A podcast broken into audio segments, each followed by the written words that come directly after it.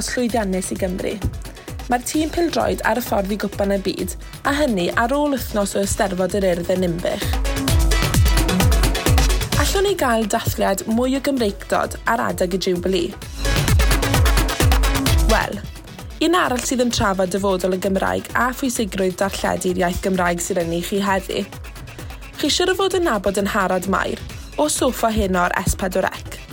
Mae hi wedi cyflwyno rai o'r aglenni mwyaf poblogaeth y sianel. Ac mae hi'n siarad am hyn a llawer mwy gyda Lois Campbell o'r ail flwyddyn.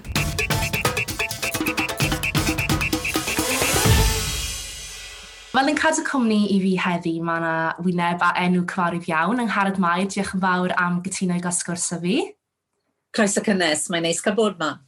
Fab. Um, Wel, chi'n mynd o'r cyfarwydd i nifer fel nes i sôn. Lot yn y fod yn abod chi o'r soffa ar heno. Chi wedi bod ar heno nawr ers dros yw 30 blynyddoedd os fi'n iawn. Do, mae amser wedi mynd yn gloi. Dechreuodd heno 32 o flynyddoedd yn ôl bellach yn 1990. A allai ddim credu bod yr amser wedi hedfan cymaint. Ond ble ddechreuodd eich gyrfa chi yn y maes darlledu dech? So, dechreuodd eich gyrfa cyn hyn ond do? A do, bues i'n lwcus mewn gwirionedd, mae'n wastad elfen y lwc yn dod mewn i yrfaen rhywun fi'n meddwl. A mewn bywyd yn gyffredinol hefyd. Uh, Dechreuais i'r aglen blant o'r enw Billy Dogar nôl yn 1982 pan oedd Esbydorec yn dechrau, wrth gwrs, ac o'n i yn gadael coleg y flwyddyn honno. Felly o'n nhw'n hysbysebu am wynebau newydd ar gyfer y sianel newydd yma. Oedd yn gyfnod eitha diddorol mewn gwirionedd, achos pan ddechreuais i ar Billy Dogar, o'n i'n darlledu'n gynta ar BBC, ar BBC Cymru, yn Gymraeg, achos fan oedd rhaglenni Cymraeg wrth gwrs, a wedyn ar ôl tua pimp wythnos fi'n meddwl o fod yn darlledu ar y BBC, nid bod ni'n sylwi dim byd, ond yn sydyn reit, oedden ni ddim ar y BBC mwyach, o'n i ar y sianel newydd ma S4C. Felly oedd hynna'n gyffroes iawn iawn. A wedyn ar ôl hynna, nes i fynd i'r adran newyddion a um, darllen newyddion. Dachrau gyda BBC Breakfast breakfast, achos oedd um, brecwast, sioe frecwast yn rhywbeth newydd iawn ar y pryd hefyd, ac o'n nhw'n chwilio wynebau newydd i ddarllen y bwletinau, felly bues i'n lwcus iawn i gael y swydd honno. Felly dechrau gyrfa newyddion ar uh, BBC Breakfast o Gymru, a wedyn uh, symud mlaen i Wales Today a newyddion S4C a dysgu cymaint fyna, mae rai fi wedi, o'n i'n joio'n hunan yn ystafell newyddion. Uh, oedd e'n rhywbeth newydd bob dydd yn gyffroes iawn, digon tebyg wrth gwrs i heno. A wedyn dath heno ble o'n nhw'n chwilio am wynebau o orllewin Cymru, achos oedd hi'n rhaglen newydd er mwyn ceisio targedu gwylwyr sy'n siarad Cymraeg, falle ddim yn gwylio gymaint o Esbydrec ar y pryd, ond oedd yr acen yn bwysig felly achos oedd y studios ar y pryd yn ganol Abertawe. Yeah. Och chi wastad yn gwybod bod chi moyn mewn i'r byd a lledu? Nath o beth eich dyn i chi i'r maes? Um, Mae hwnna'n cwestiwn anodd erbyn hyn, achos dwi ddim cweith yn cofio nôl, ond am o'n i o'n, oedd bob amser diddordeb gyda fi mewn uh, darlledu a chyflwyno, ac o'n i'n neud lot o bethau yn y coleg, yn cymryd rhan mewn pob math o bethau, bys ni wastad yn awgrymu dyle myfyrwyr wneud hynna, ac o'n i'n neud chydig bach o sgwennu hefyd, ac o'n i'n cyfrannu tra o'n i'n y coleg i um, raglen Radio Cymru ar fôr y disadwn, pan oedd pobl gwahanol gyda nhw um, ar hyd y lled Cymru yn mynd i gigs ar nos Wener, a wedyn yn dod yn fyw ar radio ar fôr y disadwn i weid sy'n beth oedd y gigs a pethau. Felly, oedd hynna yn ddechrau da, a wedyn, felly am o'n i, ie, yeah, byswn ni'n ni gweud, siwr o fod, o'n, mi o'n i wastad eisiau mynd mewn i'r cyfryngau. Oh, fab. Fel ydych chi sôn fyna bod um, heno pnawn dad i cael ei sefydlu er mae'n falle targedu y pobl ni oedd ddim yn debygol o wylio'r hygenni Cymraeg. Chi'n meddwl bod chi wedi llwyddo yn ei dros blynyddoedd? Chi'n meddwl bod chi dal yn llwyddo yn ei Wel, ar y pryd o edrych nôl, dim ond peder sianel oedd wrth gwrs. A pan ddechreuodd heno, o'n i'n cystadlu yn erbyn y newyddion ar y BBC a newyddion ar HTV neu ITV fel mae e yn awr. Ac felly oedd nifer fawr fawr o bobl oedd yn gwylio ni, oedd ddim yn siarad Cymraeg gwbl, achos o'n i'n rhywbeth gwahanol i rywun oedd ddim eisiau gwylio newyddion falle. Felly ar y dachrau wnaethon ni sefydlu'n hunan fel rhaglen oedd yn un poblogedd iawn, Na fi'n meddwl bod hynna wedi tyfu ar hyd y blynyddoedd hefyd. Mae yn dalcen caled nawr, achos mae gymaint o sianeli gwahanol a cymaint o ddewis gwahanol hefyd. Felly mae mor bwysig bod sianel fel Esbydrec yn cael ei weld yn glir ar y teledu. Um, hynny yw pan mae rhywun yn troi'r teledu mlaen bod esbydrec yno, um, er mwyn bod pobl yn gallu sylweddoli bod na gynnwys Cymraeg. Mae East Aid Cleg gyda ni hefyd wrth gwrs. Mae'r aglen fel Prynawn Da um, um, yn boblogaidd iawn iawn ni'n gwybod ni, gyda nifer fawr o bobl eto falle sydd yn cweith mor hygl yn Gymraeg, achos bod hi yn y pnawn a sy'n lot o beth yn cystadlu gyda hi. Mae this morning wedi cwbl yn y bore a math nawr y glenni, felly mae hynna'n beth da. A ni yn gobeithio wrth fynd i bob cwr o Gymru hefyd, bod ni'n gallu dangos bod S4C yn berthnasol i bawb yng Nghymru, Ac um, yn enwedig nawr gyda mwy o siaradwyr Cymraeg, i ni'n ffindio wneud pethau gwahanol achos trwy'r addysg Cymraeg, um, ni yn gobeithio bod ni yn gallu wneud i bobl sylweddoli, hyd yn oed os nag nhw'n gwylio ni bob nos, bod na raglen sy'n perthyn iddyn nhw yn yr iaith Gymraeg ar S4C. Ia, fi'n cytuno. Mae'n ma, bwysig meddwl bod, bod yr opsiwn na i bobl. Um, ma, a fi wastad tymor yn gyda cartrefol yn gwylio pethau pnawn da heno, Chos fi'n teimlo fel, so chi angen, um, chi angen calbwyntio gorma, chi jyst yn gallu mwynhau gwylio. A fi'n credu bod antheg gwahanol i ddeglennu newyddion sydd yn fwy um, caled mewn ffordd. Felly na beth fi'n joio am pethau fel hyn am pnawn da. Um, Wel, gyda hyn ond wedig, ni'n trio dangos i bobl, hei, mae holl beth gwych yma'n digwydd yng Nghymru. Uh, ni'n mynd i weld gymdeithasau, sefydliadau, uh, ni'n clywed am elusennau, ni'n clywed am Gymru ifanc sy'n llwyddiannus iawn yn ei maes. Felly um, mae ma rhywbeth bach i bawb gobeithio. O, oh, spendant. Um, na fel un o fynywod mwyaf llwyddiannus yn y byd cyfryngau a byd darlledu yng Nghymru, Sut lwyddoch chi fynd ati falle i wthio'ch gyrfa chi mlaen mewn cyfnod o falle nad oedd cymaint o barch tuag at allu menywod? Wel, Os ni'n gweud hyn wrth unrhyw gyflwynydd, fi'n meddwl, mae bywyd cyflwynydd yn gallu bod yn un eitha anwadal, achos yn aml iawn pan mae rhywun newydd yn dymewn i swydd, falle yn esbydreg, neu yn arwen unrhyw raglen, y ffordd hawsa i newid unrhyw raglen yn weledol yn gyflym iawn yw i newid cyflwynydd. Felly byswn ni'n wastad yn awgrymu bod unrhyw gyflwynydd yn ffeindio rhywbeth arall i wneud hefyd. Ac yn sicr yn Tinopolis a gyda heno, um, o'n i'n gyflwynydd, ond o'n i hefyd yn cymryd diddordeb mawr yn yr ochr gynhyrchu, a felly nath yr ochr yna dyfu fwy fwy wedyn. Felly dyna sut nath e ddigwydd i fi mewn gwirionedd, a fi yn ffindio bod e'n gyfuniad braf o allu cyflwyno rhaglen, ond ar yr un pryd bod ar rhywfaint o o benderfynu beth sy'n mewn, mewn iddi hefyd. Hynny, mae tîm gwych gyda ni yn heno a prynawn da, felly nid fi sy'n gofod meddwl am y syniadau gyd, mae pobl eraill yn neud ni, ond fi gallu arwen y rhaglenni. O ran yr ochr bod yn fenyw, um, ar y cyfan, fi rioed wedi gweld bod yna unrhyw broblem uh, ar yr ochr hynny. Uh, fi wastad wedi teimlo bod fi wedi cael parch yn hunan, um, mewn cyfnod falle pan oedd bach llai o barch i fenwod. Ond mae rai fi fod yn onest a gweud bod fi riod wedi gorfod dygymod ar elfen anffodus na falle mae rai menwod eraill wedi gorfod. Ie, yeah, diddorol. Chi'n meddwl bod y maes ni chyfanrwydd wedi gwella o ran tegwch teg at menywod? Achos fel ni'n gweld mae tîm newyddion, y tîm tywydd Esbydec nawr i gyd yn fynywod am y tro cyntaf. Mae'ch merchu wrth gwrs wedi cael rôl um, fel merch tywydd newydd. So chi yn meddwl falle bod y byd cyfryngau'r byd alledu yn symud mlaen?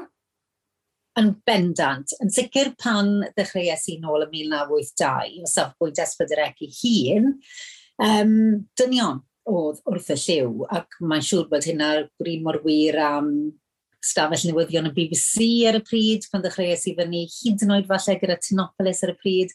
Ond nawr, pan i chi'n edrych ar y ffaith bod prif weithredwr Esbydrec nawr, Sian Doyle, mae hi'n fenyw, mae uh, pennaeth cynnwys Esbydrec, Llinos Griffin Williams, mae hi hefyd yn fenyw, mae nifer o'r comisiynwyr yn fenwod hefyd, uh, gyda ni yn Tinopolis, um, i fi yn amlwg, mae Catrin Evans gyda ni yn uh, uwchgynhyrchydd ar uh, regleri dyddiol i gyd. Mae hi'n fenyw, hi sy'n uh, yng ngofal uh, pawb a'i farn hefyd. Uh, mae rhan fwy o'n cynnalchwyr ni'n benwod, felly dwi'n meddwl mae dyna beth sydd wedi newid mwyaf ein bod menwod wedi llwyddo, falle yn yr un modd y fi, hynny yw dros y blynyddoedd wedi cyrraedd y, y swyddi pwysica lle mae rhywun yn gallu gwneud penderfyniadau, a mae hynna di newid yn bendant er gwyll. Mm, um, beth ydych chi'n dweud sydd wedi newid mwyaf yn ystod eich gyrfa chi yn y byd darlledu? O, oh, heb os. Uh, yr holl Sianeli, ddath mewn, um, mae hynna wedi bod yn newid anferthol. A mae'n mor anodd cofio nôl i pan oedd dim ond peder sianel a na'r unig ddewis o gan bobl. A cyn S4C y Channel 4, wrth gwrs, dim ond um, tair sianel oedd. Ond mae mor anodd cofio nôl i'r cyfnod ni. A rhywbeth arall i gwyddo pan ddechreuodd hyn o hefyd, tu am 1990, uh, dath rhaglenni byw yn fwy poblogaidd. Nawr oedd newyddion bob amser yn fyw. Dwi'n meddwl bod This Morning wedi dechrau rhywbeth fel chwech mis cyn ni. Um, fi wedi sôn eisoes oedd rhaglenni brecwast newydd uh, yn dod mewn y pryd ni. Felly, ar ddechrau heno, bod rhaglen fyw bob nos, oedd hynna'n rhywbeth newydd iawn iawn. Dwi'n bobl falle ddim hyn yn gallu cofio pa mor wahanol oedd hynny. Ond wrth gwrs nawr, ni di byw, ni yn byw nawr trwy gyfnod arall o newid sylweddol. Ni di byw gyda'r holl Sianeli nawr ers rhai blynyddoedd, ond wrth gwrs nawr mae'r elfen ddigidol wedi dod mewn i fod un mor bwysig hefyd. Mae'r tyledu yn hornel ystafell wedi mynd yn llai pwysig. Mae hynna yn newid mawr. Mae pobl yn gwylio nawr uh, cynnwys um, ar ffôn, ar iPad, unrhyw le mewn gwirionedd. Byswn ni byth wedi gallu dychmygu flynyddoedd yn ôl, byswn ni'n gallu bod ar dren gyda teclyn bach fel hyn yn gwylio esbyd yr ec yn y fe bysa fe wedi bod yn amhosib i'w ddychmygu. A wedyn wrth gwrs, gyda'r elfen digidol na, a'r ffordd mae pobl yn, wedi newid y ffordd maen nhw'n gwylio cynnwys, mae'r un sianel llunol na yn llai pwysig mewn gwirionedd. A dyna pam nawr i chi'n gweld gymaint mwy o gynnwys Cymraeg ar YouTube, sianeli YouTube, um, Facebook, bwysig iawn i ni ar hyn o hefyd, mae'n cynnwys ni gyd yn mynd fan'na, um, yn ogystal â pytiau bach hefyd wrth gwrs ar Twitter neu Instagram, hyd yn oed TikTok falle. Felly mae'r newid digidol na bys ni'n gweud yn y blynyddol diwetha sydd wedi bod yn newid mwy sylweddol a mae'n parhau i newid. Dwi ddim yn meddwl bod ni wedi cyrraedd y, y diwedd eto, pwy a oer beth sydd wedi newid eto ymhen pum mlynedd a'r ffordd mae'r darlledwyr i gyd nawr, y BBC newydd gyhoeddi, bod nhw'n cael gwared y rai o Sianeli nhw, rhoi mwy o bethau uh, ar-lein yn hytrach na uh, tyledu llunol traddodiadol. Felly mae'r newidiadau sydd wedi bod a sydd i ddod yn y cyfnod nesaf yna uh, mynd i fod yn fawr iawn. Mm. A beth yw effaith dyfodiad y byd digidol ar raglenni Cymraeg ac ar Esbrec? Ydych chi fel cynhyrchwr teledu mynd ati nawr tarffilmio gyda'r rhyngoriaeth o wneud cynnwys ar gyfer um, Facebook a cyfryngau cymdeithasol neu yfyrnoriaeth dal yw teledu byw math o beth? Oh, erbyn hyn, fi'n meddwl bod e'n gorfod bod yn hanner a hanner um, o ran blaenoriaeth. Hynny yw, fi'n berson sy'n fwy trafodiadol falle, achos yn hoedro ni.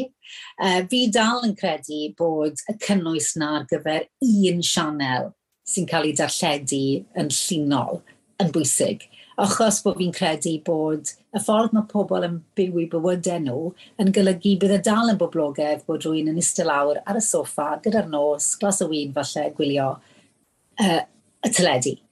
Um, dyw pobl ifanc ddim yn gwylio cymaint o hynny yn draddodiadol, ond dyn nhw ddim eriod wedi chwaith pan o'n i'n ifanc, o'n i ddim yn gwylio gymaint o hynny. A wedyn mae pobl yn tyfu lan, maen nhw'n priodi, maen nhw'n cael plant, yn sydd reid, mae'r babi lan loft, dyn nhw ddim yn gallu mynd mas, maen nhw'n mwynhau gwylio pethau. Felly i fi, mae cael yr un sianel yna uh, mor bwysig ag erioed. Ond wedyn wrth gwrs, mae yna bwysigrwydd mawr bod yr iaith Gymraeg a chynnwys Cymraeg a chynnwys Esbydreg yn cael ei weld ar um, lein um, mewn ffurf digidol hefyd, a'r sialens i ni fel cynhyrchwyr nawr, yw i beidio dim ond dyblygu. Hynny yw, mae'n um, ma eitemau ni o heno sy'n weddol fyr, tair munud wedyn ni, yn ffitio'n berffaith i Facebook. Dyw rhywun ddim yn gorfod gwylio raglen i gyd, maen nhw'n gorfod, maen nhw'n gallu gwylio'r eitem na yn benodol sy'n berthnasol iddyn nhw falle, bod nhw'n abod rhywun, neu mae'n dod o'i hardal nhw ar Facebook. Ond nawr, sialens yw yn bod ni'n creu cynnwys gwahanol hefyd sy'n targedu demograffeg wahanol. Felly bod pobl ifanc uh, eisiau gwylio pytiau llai beth. Falle bod nhw eisiau gwylio mewn ffordd wahanol. Um, felly mae'r sialens yna i ni. Un o fain o'r ieithau esblyrec ar hyn o bryd yw ceisio cyrraedd cynulleidfaodd newydd fel o'ch chi'n sôn. Os yn rhyw galluniad y gwell gyda prynawn dan neu hyn o'i dorri tir newydd? Wel, mae'r sialens yna trwy'r amser. Dyna yw y sialens. Um, mae rhaid i ni fod yn ofalus bod ni ddim yn cwmpo mewn i ryw fath o rigol, ble ni'n gwybod bod yn ni gynulleidfa graidd sy'n mwynhau yn rhaglenni ni, mae rhaid i ni hefyd i targedu pobl newydd, pobl ifanc, pobl amrywiol, pobl o ardaloedd gwahanol, pobl sy'n gweld bod yr iaith Gymraeg yn berthnasol iddyn nhw, yr esbydyrec yn berthnasol iddyn nhw. Felly ydy, mae hynna yn holl bwysig yn bod ni'n gallu esblygu a newid er mwyn targedu pobl hollol newydd a gwahanol i wylion cynnwys ni. Mm. Och, o'n i'n sôn fyna am bod pobl ifanc ddim yn gwylio teledu, neu ab nawr bod gymaint o opsiynau mas na gyda Netflix, Amazon Prime, beth bynnag. Beth yw'r ffordd o ddyn i pobl ifanc i wylio rhaglenni Cymraeg ar, um, ar unrhyw platform ond jyst bod nhw yn fwy o rai Cymraeg. So pobl ifanc falle yn fwy tueddol o gael i deulu i wylio rhaglenni Saesneg. Felly beth yw'r, os oes na um, unrhyw beth chi'n meddwl sy'n gallu cael ei wneud er mwyn denu pobl ifanc? Wel, mae'n bwysig. Mae rhaid i ni wneud hynny. Felly, hynny yw, naill ai i ni'n ceisio wneud hynny wrth, um, wrth ddefnyddio pobl sy'n boblogaidd gyda phobl ifanc i uh, greu eitemau gyda nhw, i hyrwyddo'n gwaith ni, i fod yn berthnasol, mae hynna'n holl bwysig. Um, mae hi'n hawdd wrth gwrs i bawb i bidio gwylio cynnwys Cymraeg, ond dwi'n meddwl os i wen berthnasol, a, a hefyd wrth gwrs mae rhaid cofio gyda Netflix neu Amazon Prime yr rhain i gyd, a dyma pan mae darlledu gyhoeddus mor, mor, mor bwysig, yw dyw'r Sianeli Mar cyfan ddim yn cyfathrebu yn uniongyrchol gyda phobl ifanc Cymru, wedyn ni. Ond mae modd i Esbydrec ar y glenni fel hyn o y prynam da i wneud hynny. Felly mae darlledu cyhoeddus yn fwy na dim ond adloniant, bod rhywun yn mwynhau gwylio drama. Dwi'n meddwl bod e mor bwysig i wlad i gael darlledu cyhoeddus ei hun fel bod pobl yn gallu cael newyddion, materion cyfoes, materion sy'n berthnasol, gweld i hunaniaeth nhw. Um, gweld beth sy'n neud nhw'n unigryw yn cael ei adlywyrchu yn y cynnwys ble bynnag mae e. Felly mae hynna i fi mor bwysig ag erioed. Bys ni'n fyd clawd iawn os bys ni gyd yn gweud, wel, ni mae Netflix, Amazon Prime, dyn ni, a does dim eisiau dim byd mwy. Mae angen mwy achos mae cynnwys darlledu mor bwerus er mwyn bod yn rhan o beth sy'n glynu cymdeithas at ei gilydd hefyd. Ac o safbwynt gwlad fach fel Cymru, er, mae darlledu yn gallu bod yn gyfrwng i wneud yn ni gyd sylweddoli bod ni'n perthyn, bod ni'n perthyn mewn rhyw ffordd neu gilydd i'r wlad mae ni'n gyd yn byw yn ddi. A dwi'n meddwl bod hynna'n bwysig ar gyfer hybusrwydd pobl hefyd. Um, ni'n unigryw fel pobl a iaith hefyd wrth gwrs, iaith leiafrifol, a mae mor bwysig bod hynna'n cael ei adlewyrchu. Mm. So, chi'n sôn am berthyn fyna. Um, mae llawer o sôn yn ddiweddar di bod um, ar y ffaith bod Esbrec eisiau cynhyrchu mwy o'r oglenni ar y cyd gyda chwmnïau tu hwnt i Gymru. Mae Tenopolis wrth gwrs di yn barod yn gwneud hynny. Um, ond chi'n meddwl bod yna berygl bod llai o ffocws o'r Gymru a bod cynulleidfaodd Cymru yn tymlo fel nad ydyn nhw'n perthyn cyment um, i'r sîn Gymraeg ac bod nhw ddim yn flaenoriaeth i Esbrec bellach? Wel, bys ni ddim yn gweud hynny. Um, bys ni ddim yn mynd mor bell a gweud hynny, ond wrth gwrs, beth sydd wedi newid hefyd, a sôn am newidiadau yn y blynyddoedd diwethaf, yw yn yr hen ddyddiau, oedd Esbydrec yn darlledu yng Nghymru ac yng Nghymru'n unig. Nawr, mae pobl ar draws y byd i gyd yn gallu mwynhau cynnwys Cymraeg. Felly mae ehangu falle y ddarpariaeth i adlewyrchu rhywfaint o yr hyn maen nhw eisiau gweld hefyd, yn bwysig dwi'n meddwl. Ac ambell waith hefyd fi'n meddwl bod yn bwysig bod Esbydrec yn gallu um, dangos i bod nhw'n sianel bwysig uh, yn y tirwedd darlledu cyffredinol, nid dim ond i, i ni fan hyn yng Nghymru. Er enghraifft, yn ddiweddar, o'n i yn Llundain mewn dangosiad arbennig o y golau sef drama newydd Esbwdrec ar hyn o bryd, ac oedd Joanna Scanlon yna, ac oedd Alex Roach yna, yn cael ei holi ar ddwy yn sôn am bwysigrwydd um, cymryd rhan mewn drama Gymraeg iddyn nhw. Ac yn y gynulleidfa oedd rhywun fi'n meddwl o'r Telegraph, oedd y Sunday Times na, oedd Hello Magazine yna. Ac er bod nhw'n gofyn am bell gwestiwn lletwydd fel pam bys nhw'n dewis mynd i wneud drama Gymraeg, oedd yr atebion oedd yn dod o'r llwyfan mor wych o safbwynt hynny yw pwysigrwydd bod drama yn cael ei gweld gyntaf yn Gymraeg falle cyn bod i wedyn yn cael ei gweld yn Saesneg achos mae'n cael ei wneud yn y ddwy iaith. Felly mae yna neges hefyd fi'n meddwl sy'n yn gallu mynd mas i'r byd um, trwy uh, rhai uh, gomisiynau sydd yn ceisio ehangu uh, gorwelion falle fwy na bysau uh, rhaglenni eraill yn wneud. Ond mae'n cael y cydbwysedd yn iawn yn bwysig fyd. Chi'n hyderus bod dyfodol i'r Gymraeg? Ydw, fi'n hyderus. Um, mae rai fi wedi yna, achos fi'n meddwl os i ni ddim yn hyderus, mae'n um, mae arben arno ni.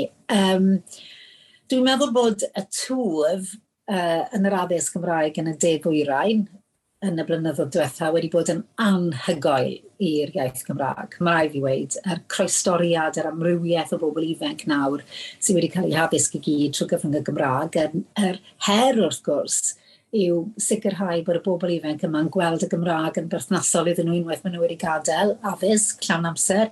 Fi'n meddwl bod hwnna'n her. Um, yn hunan fi'n poeni'n llawer am rhai o'r cadarn leoedd Cymraeg. Fi'n meddwl mae diffyg gwaith yn golygu bod pobl ifanc sy'n siarad Cymraeg yn naturiol yn edrych tuag at falle dinas fel Cyrdydd am rolau weithio. Felly, tra bod na dŵf mewn ambell le, mae'r diriwiad mewn ambell le hef, arall hefyd yn rhywbeth ddyle achosi poendod i ni gyd. A falle bod dim eisiau ni fod yn orhyderus, achos os falle bysyn ni, bysyn ni'n ymlacio ac yn ystyn ôl ac yn meddwl o'n ni'n iawn, dim i ddim. Um, mae mor bwysig bod y Llywodraeth a'i, um, a'i nod nhw o filiwn o siaradwyr Cymraeg, mae hwnna'n holl, holl, holl bwysig. Mae darlledu yn rhan o'r tirwedd hwnnw, mae addysg yn rhan o'r tirwedd hwnnw, mae gwaith hefyd yn gorfod bod yn rhan o'r tirwedd hwnnw. Ac mae um, gweld y Gymraeg yn weledol yn bob man, yn gorfod bod yn bwysig hefyd. Felly fi'n gobeithio croesi bysedd a popeth arall bod ni'n gallu bod yn hyderus am ddyfodol yr iaith be chi'n meddwl sydd angen i Llywodraeth Cymru wneud er mwyn gallu sicrhau bod na ddyfodol cadarn i'r Gymraeg?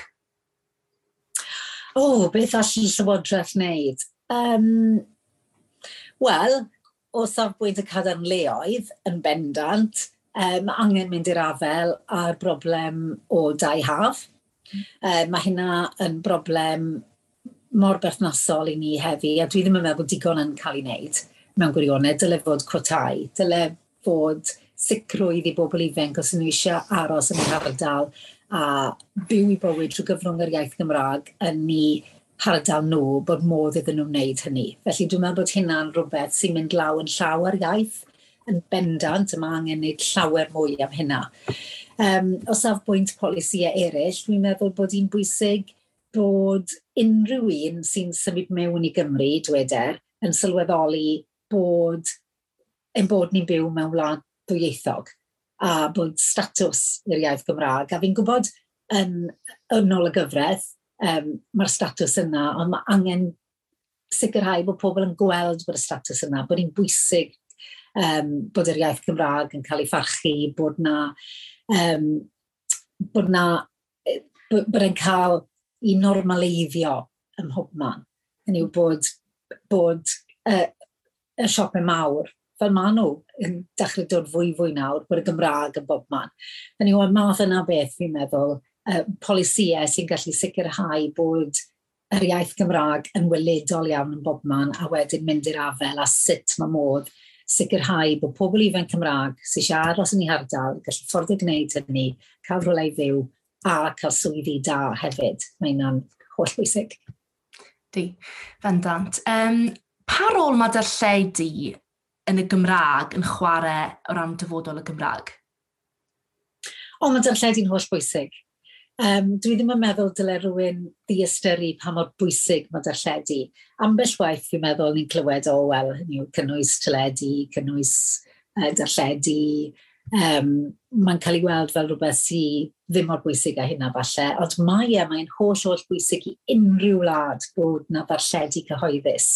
Am y ysymau fi eisiau wedi sôn, bod pobl yn gallu gweld eu hunaniaeth nhw ar y sgrin, bod na gynnwys sy'n siarad yn uniongyrchol gyda nhw, bod y cynnwys yn ddrych i'w bywyd nhw, a mae hynna yr un mor bwysig am yr iaith Gymraeg a'i dyfodol i hefyd.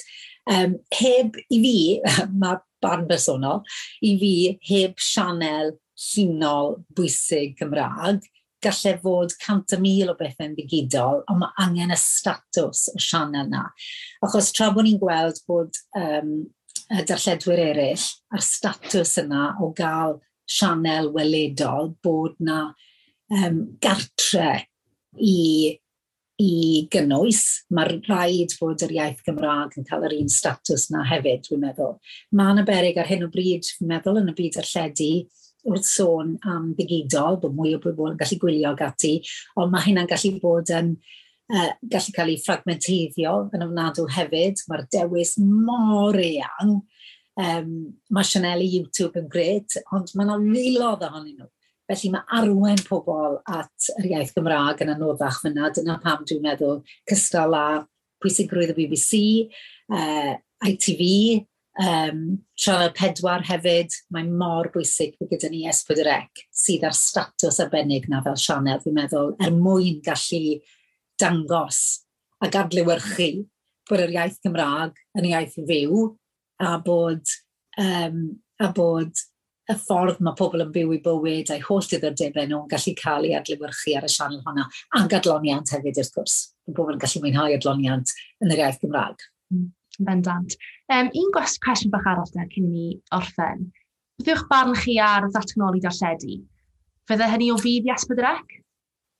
Wel, uh, o ran datganoli darlledu, y marn ni yw yn dylid datganoli darlledu um, hyd yn oed os ni'n siarad dim ond am ddatganoli esbydrec, achos i fi mae nonsens llwyr ar hyn o bryd bod unrhyw un hyd yn oed sydd yn ymgeisio i fod ar fwrdd esbydrec, fel um, rhan ganolog o'r penderfyniadau, mae gweision sifil yn Llundain, sydd falle erioed wedi bod i Gymru, sy'n mynd trwy'r ceisiadau, ddim yn nabod y bobl, ddim yn falle nabod yr hyn maen nhw wedi wneud o ran i cyfraniad nhw i sefydliadau yng Nghymru ag ati, ac mae Llywodraeth yn Llundain uh, sy'n dewis pwy sydd ar prif swyddi yn Esbydrec. Felly dwi'n meddwl bod hynna'n hollol hirt. Um, ond, yn ddorol iawn iawn, mae'r cwestiwn yn ddatganoli yn newid, dwi'n meddwl rhywfaint, wrth bod y ffra uh, yn rhygni mlaen am sut bydd pobl yn talu am y BBC gan bod galwad nawr i ddod ar ffid drwydded i ben yn y dyn Doris, y gweinidog yn DCMS, yn awyddus iawn i wneud hynny. Felly mae hynna'n gorfodi'r BBC a gorfodi pawb arall yn ei darlledu i chwilio am ffyrdd wahanol o bosib, mae'r trafod wedi dechrau, i dalu am sianel gyhoeddus. Felly cyn bo hir, pwy o wyr, falle bydd yn rhaid i Llywodraeth Cymru gymryd mwy o rôl mewn sianel fel Esbydreg a'i hariannu os bydd y ffid drwydder yn dod i ben.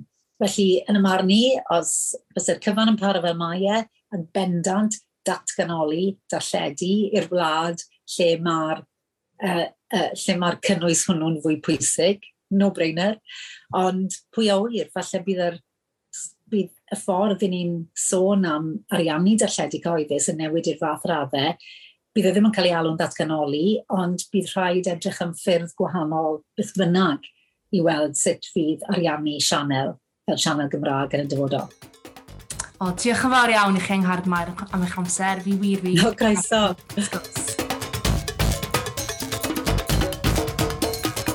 A dyna ni. Yr iconic yn Harad Mair yn siarad y loes fyna. Os ydych chi eisiau clywed rhagor o sgyrsiau difyr, am fywydau rai o'r ddarlledwyr gorau Cymru. Ewch i chwilio amdano nhw, ych chi'n cael eich podcast.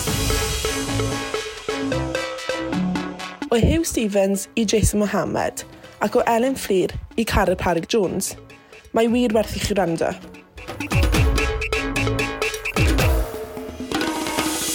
Diolch am rando ar pod Joma Cymraeg, ganddo ni fyfyrwyr Prifysgol Cardydd. Ond wrtha i, Lowri Davies, hwyl i chi.